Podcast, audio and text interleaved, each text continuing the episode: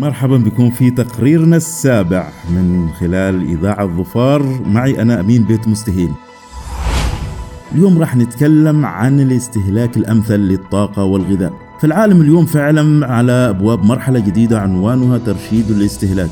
يقف العالم في ظل هالظروف الاستثنائية على تحويل ثقافة ترشيد الاستهلاك إلى واقع عملي وسلوك يومي على مستوى الأفراد والمؤسسات. وتدرك كل هالدول بأنها لا بد عليها من المحافظة على مواردها الطبيعية والاقتصادية مهما كانت وفرتها وكفاءة إدارتها على النحو اللي يضمن استمراريتها بما يلبي الحاجات المستقبلية لمجتمعاتها. فخليكم معي في هذا التقرير. الاستخدام الأمثل لموارد الطاقة والغذاء هو عبارة عن مجموعة من الإجراءات أو التقنيات اللي تؤدي إلى خفض الاستهلاك. طبعا دون المساس براحة الأفراد أو إنتاجيتهم. وهو نوع من الثقافة لاستخدام الطاقة فقط عند الحاجة الحقيقية لها حيث أن تحسين كفاءة الطاقة وترشيد استهلاكها ما يعني منع استهلاك الطاقة بقدر أنه ما يعني استخدام الطاقة بأسلوب أكثر كفاءة. من الأفلام السينمائية الملهمة فيلم The Martian وتعني المريخ وهو فيلم خيال علمي أمريكي تم إنتاجه في عام 2015 وهو من إخراج العبقري ريدلي سكوت ومن بطولة الممثل الرائع والمقنع مات ديمون. أحداث هذا الفيلم من رواية المريخي للكاتب أندي وير. يجسد مات ديمون دور الفضائي أو رائد الفضاء اللي زملائه فكروا إنه مات وخلوه على كوكب المريخ لحاله. ومن هنا بدت معاناته علشان يقدر يعيش على المريخ. وفي هالظروف الصعبة لازم يعتمد على المصادر القليلة والمحدودة اللي متبقية عنده. والجميل في هذا الفيلم هو كيفية تعامل البطل مع ثمرات البطاطس الغير ناضجة أو غير مطبوخة واللي كانت موجودة أو متبقية على سفينة الفضاء المحطمة وكيف أجبرته الظروف أنه يفكر وكيف أنه يتكيف علشان يظل حي لين حد ينقذه أو يقدر أنه يرجع إلى الأرض فإيش سوى بطلنا؟ اللي سواه هو أنه حصر كل ثمرات البطاطس في ثلاثة صناديق الأول فيه 81 حبة والثالث فيه أو الثاني فيه 52 حبة والثالث فيه 79 حبة. وبعدها قام بحساب عدد الأيام اللي يحتاجها علشان يرجع للأرض. وبدأ يتواصل مع زملائه علشان يقدر أنه يحصل فرصة أفضل ووقت أطول علشان يبقى حي ويحافظ على قوته ويحافظ على تركيزه بشكل عالي. قام وفكر إنه يقطع الحبات أو حبات البطاطس إلى قطع أصغر وبدأ يقتات منها قطعة واحدة يوميا واحدة فقط. وهذا كان الحد الأدنى علشان يظل حي.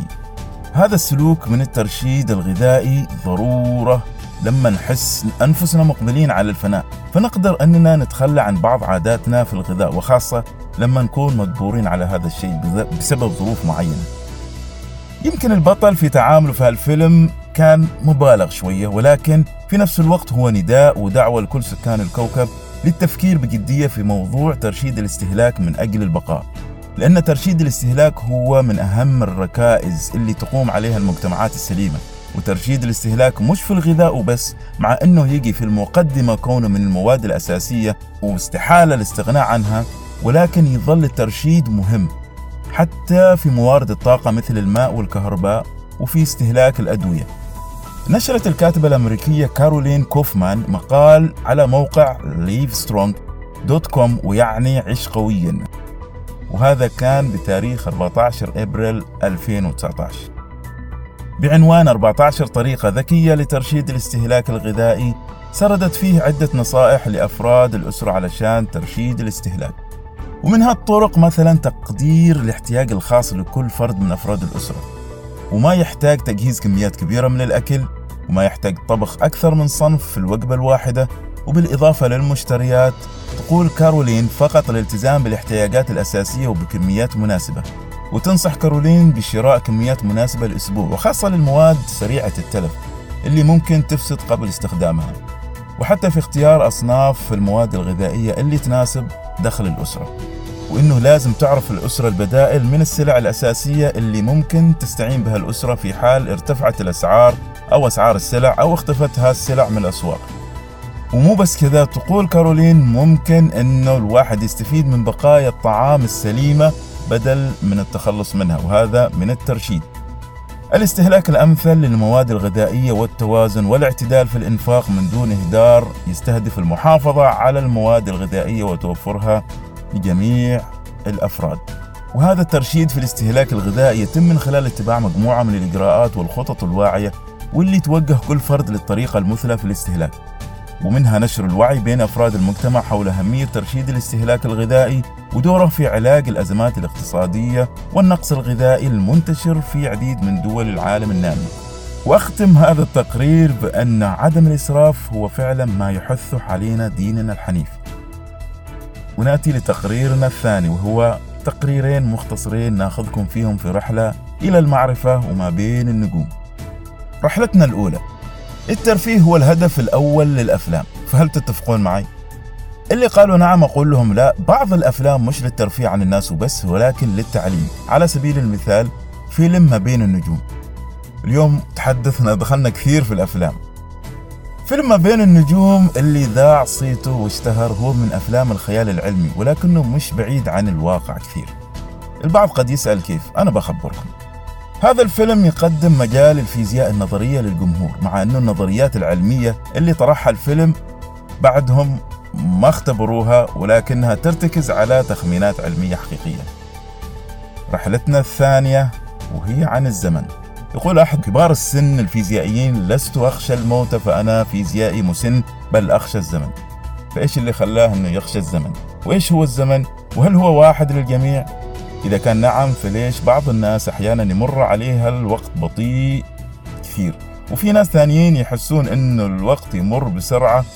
فهل تعتقدون أن هذا فقط مجرد إحساس أو أنه الزمن فعلا يختلف؟ في الماضي كان يعتبر الزمان والمكان لكل واحد فيهم كينونة مستقلة. حتى جاء أينشتاين وغير المفهوم كامل للزمان معتقدا أنه مربوط بالمكان. وقال أينشتاين أن الزمان والمكان كينونة واحدة وأشار إليهم بالزمكان. ولكن نرجع لواحد من أسئلتنا السابقة إيش اللي يخلي الزمن يمر ببطء عند البعض وسريع عند البعض؟ الشيء المفاجئ أن الجاذبية تؤثر في الزمن بحيث أنه يمر أبطأ كل ما زادت الجاذبية. على سبيل المثال تختلف الساعات الموجودة على الأقمار الاصطناعية التابعة لنظام تتبع المواقع العالمي عن اللي موجودة على الأرض لأنها في مجالات جاذبية مختلفة. باختصار يؤثر كل من المكان والحركة في الزمان فهو يمر أسرع لما يتحرك الناس في الأرجاء والعكس صحيح. لهذا الأمر مش بس مجرد إحساس. مفارقة التوأم هي واحدة من أفكار أينشتاين الشيقة لأنها تشرح كيف يختلف الزمن مع اختلاف السرعات والمواقع. تخيل إذا كان في توأمين واحد منهم بقى على الأرض والثاني سافر بسرعة الضوء فالوقت يتحرك ببطء للي يتحرك بسرعة الضوء. وما راح يحس بهذا الشيء أو بالوقت لكنه كل شيء حوله راح تقل سرعته وحتى سرعة نمو جسمه. فلما يرجع من الفضاء يكون ما كبر في السن كثير حسب اعتقاد أينشتاين طبعا. وبيحصل أخوه التوأم اللي ظل على الأرض صار شايب. الله على أفكارك وخيالك يا أينشتاين. وصلنا لتقريرنا الأخير وهو عن الثقب الأسود. هل هو حقيقة أم خيال علمي؟ وهل من الممكن السفر إلى الفضاء والرجوع بسلام؟ أو هي مغامرة خطرة؟ أول شيء بالنسبة للسفر والرجوع من الفضاء موجود. والدليل رواد الفضاء اللي سافروا ورجعوا. بالنسبة للخطر في خطر. والدليل أن بعض رواد الفضاء توفاهم الله بسبب خطأ في التجارب أو في تجارب السفر إلى الفضاء. وبالنسبة للثقب الأسود هل هو حقيقة أم لا؟ إحنا بنقول حقيقة. والدليل هو اللي كشفت عنه المؤسسة الوطنية للعلوم وفريق التلسكوب وهذا كان في عام 2019 بالتحديد تاريخ 10 أبريل عام 2019 هذه كانت الأسئلة الثلاثة وتم الإجابة عنها في تقريرنا الأخير. وجمال الأمر يكمن في احتمالية أن السفر ما بين النجوم يظل حقيقة ومش خيال وأن الكون مكان مظلم وغامض. إلا أن العلماء مثل إينشتاين يضيئون الشموع لكشف أسراره. ألتقيكم في الحلقة القادمة من برنامج تقارير. معي أنا أمين بيت مستهي